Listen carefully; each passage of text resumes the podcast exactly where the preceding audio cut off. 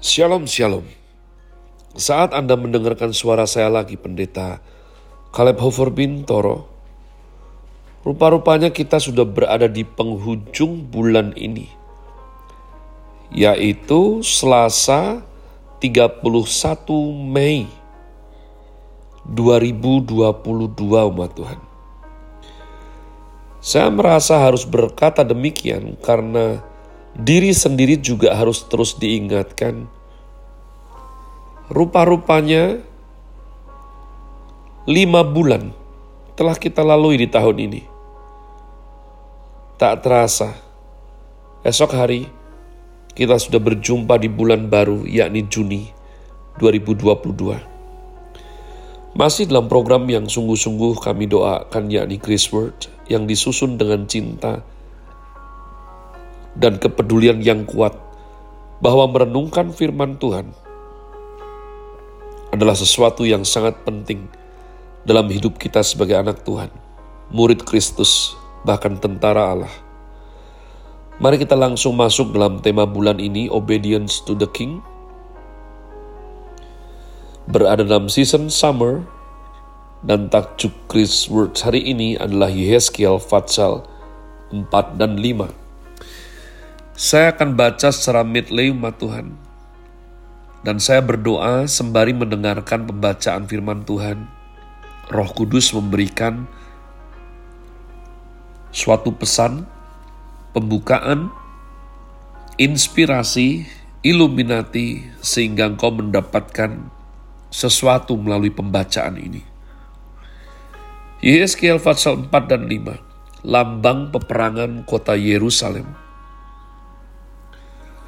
Engkau anak manusia, ambillah sebuah batu bata, letakkan di hadapanmu, dan ukirlah di atasnya sebuah kota, yaitu Yerusalem. Ukirlah kota itu dalam keadaan terkepung. Dirikan sebuah benteng pengepungan, timbun pula tanah menjadi tembok pengepungan. Tempatkan perkemahan tentara dan susun alat-alat pendobrak di sekeliling kota itu. Lalu ambillah bidang besi dan dirikanlah itu di antaramu dengan kota itu menjadi dinding besi. Kemudian tunjukkanlah wajahmu ke arah kota itu, sehingga kota itu dalam keadaan terkepung dan engkaulah yang mengepung dia. Inilah menjadi lambang bagi kaum Israel.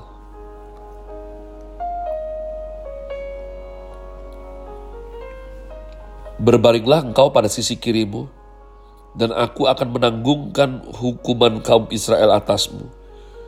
Beberapa hari engkau berbaring demikian, selama itulah engkau menanggung hukuman mereka. Beginilah aku tentukan bagimu berapa tahun hukuman kaum Israel. Sekian harilah engkau menanggung hukuman mereka, yaitu 390 hari. Kalau engkau sudah mengakhiri waktu ini, berbaringlah untuk kedua kalinya, tetapi pada sisi kananmu, dan tanggunglah hukuman kaum Yehuda 40 hari lamanya. Aku menentukan bagimu satu hari untuk satu tahun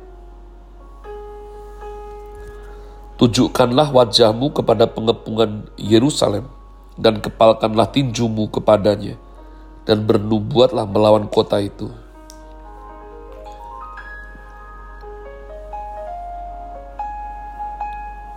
Lihat, aku akan mengikat engkau dengan tali, sehingga engkau tidak dapat berbalik dari sisi yang satu ke sisi yang lain, sampai engkau mengakhiri waktu pengepunganmu itu. Selanjutnya ambillah gandum, jelai, kacang merah besar, kacang merah kecil, jawan dan sekoi, dan taruhlah dalam satu periuk, dan masaklah itu menjadi roti bagimu. Itulah makananmu selama engkau berbaring pada sisimu, yaitu 390 hari. Dan makananmu yang harus kau makan dan ditentukan timbangannya, yakni 20 sikal satu hari. Makanlah itu pada waktu-waktu tertentu. Air minum pun bagimu akan ditentukan, seperenam hin banyaknya, Minumlah itu pada waktu-waktu tertentu. Makanlah roti itu seperti roti jelai yang bundar, dan engkau harus membakarnya di atas kotoran manusia yang sudah kering di hadapan mereka. Selanjutnya Tuhan berfirman, Aku akan membuang orang Israel ke tengah-tengah bangsa-bangsa, dan demikianlah mereka akan memakan rotinya najis di sana.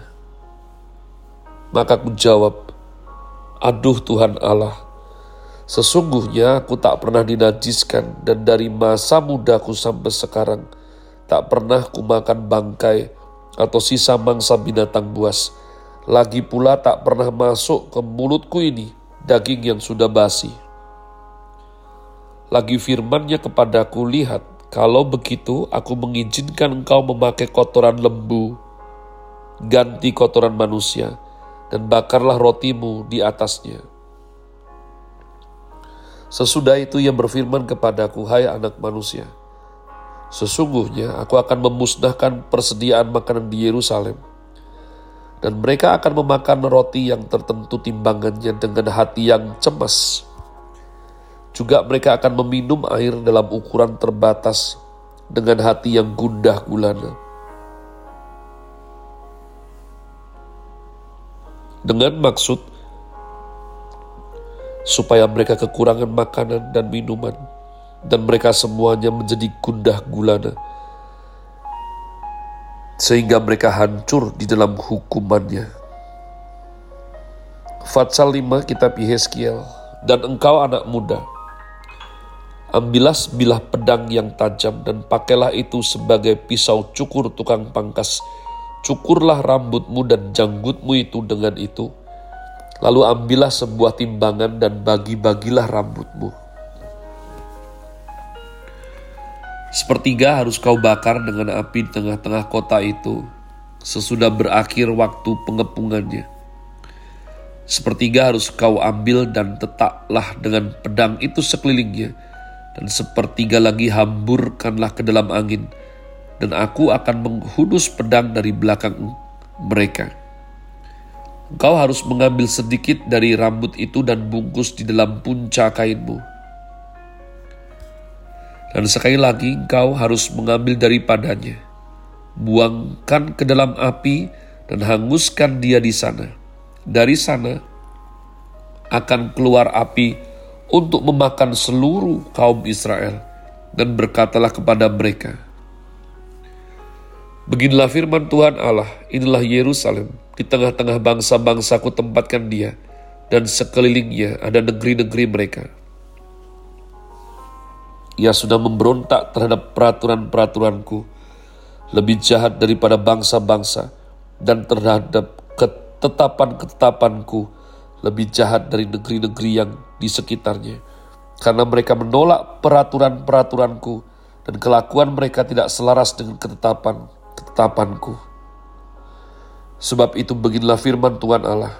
Oleh karena engkau lebih jahat daripada bangsa-bangsa yang di sekitarmu, dan kelakuanmu tidak selaras dengan ketetapan-ketetapanku, dan engkau tidak melakukan peraturan-peraturanku, bahkan engkau melakukan peraturan-peraturan bangsa-bangsa yang di sekitarmu.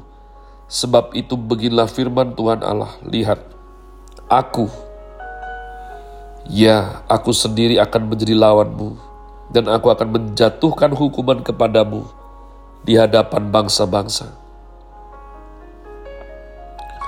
Oleh karena segala perbuatanmu yang keji, akan ku perbuat terhadapmu yang belum pernah ku perbuat, dan yang tidak pernah lagi akan ku perbuat. Sebab itu di tengah-tengahmu ayah-ayah akan memakan anak-anaknya, dan anak-anak memakan ayahnya, dan aku akan menjatuhkan hukuman kepadamu, sedang semua yang masih tinggal lagi daripadamu akan kuhamburkan ke semua penjuru angin. Sebab itu demi aku yang hidup demikianlah firman Allah. Sesungguhnya oleh karena engkau menajiskan tempat kudusku dengan segala dewamu yang menjijikkan dan dengan segala perbuatanmu yang keji. Aku sendiri akan meruntuhkan engkau. Aku tidak akan merasa sayang dan tidak akan kenal belas kasihan. Sepertiga daripadamu akan mati kena sampar, dan mati kelaparan di tengah-tengahmu. Sepertiga akan tewas dimakan pedang di sekitarmu, dan sepertiga lagi akan kuhamburkan ke semua mata angin, dan aku akan menghunus pedang dari belakang mereka.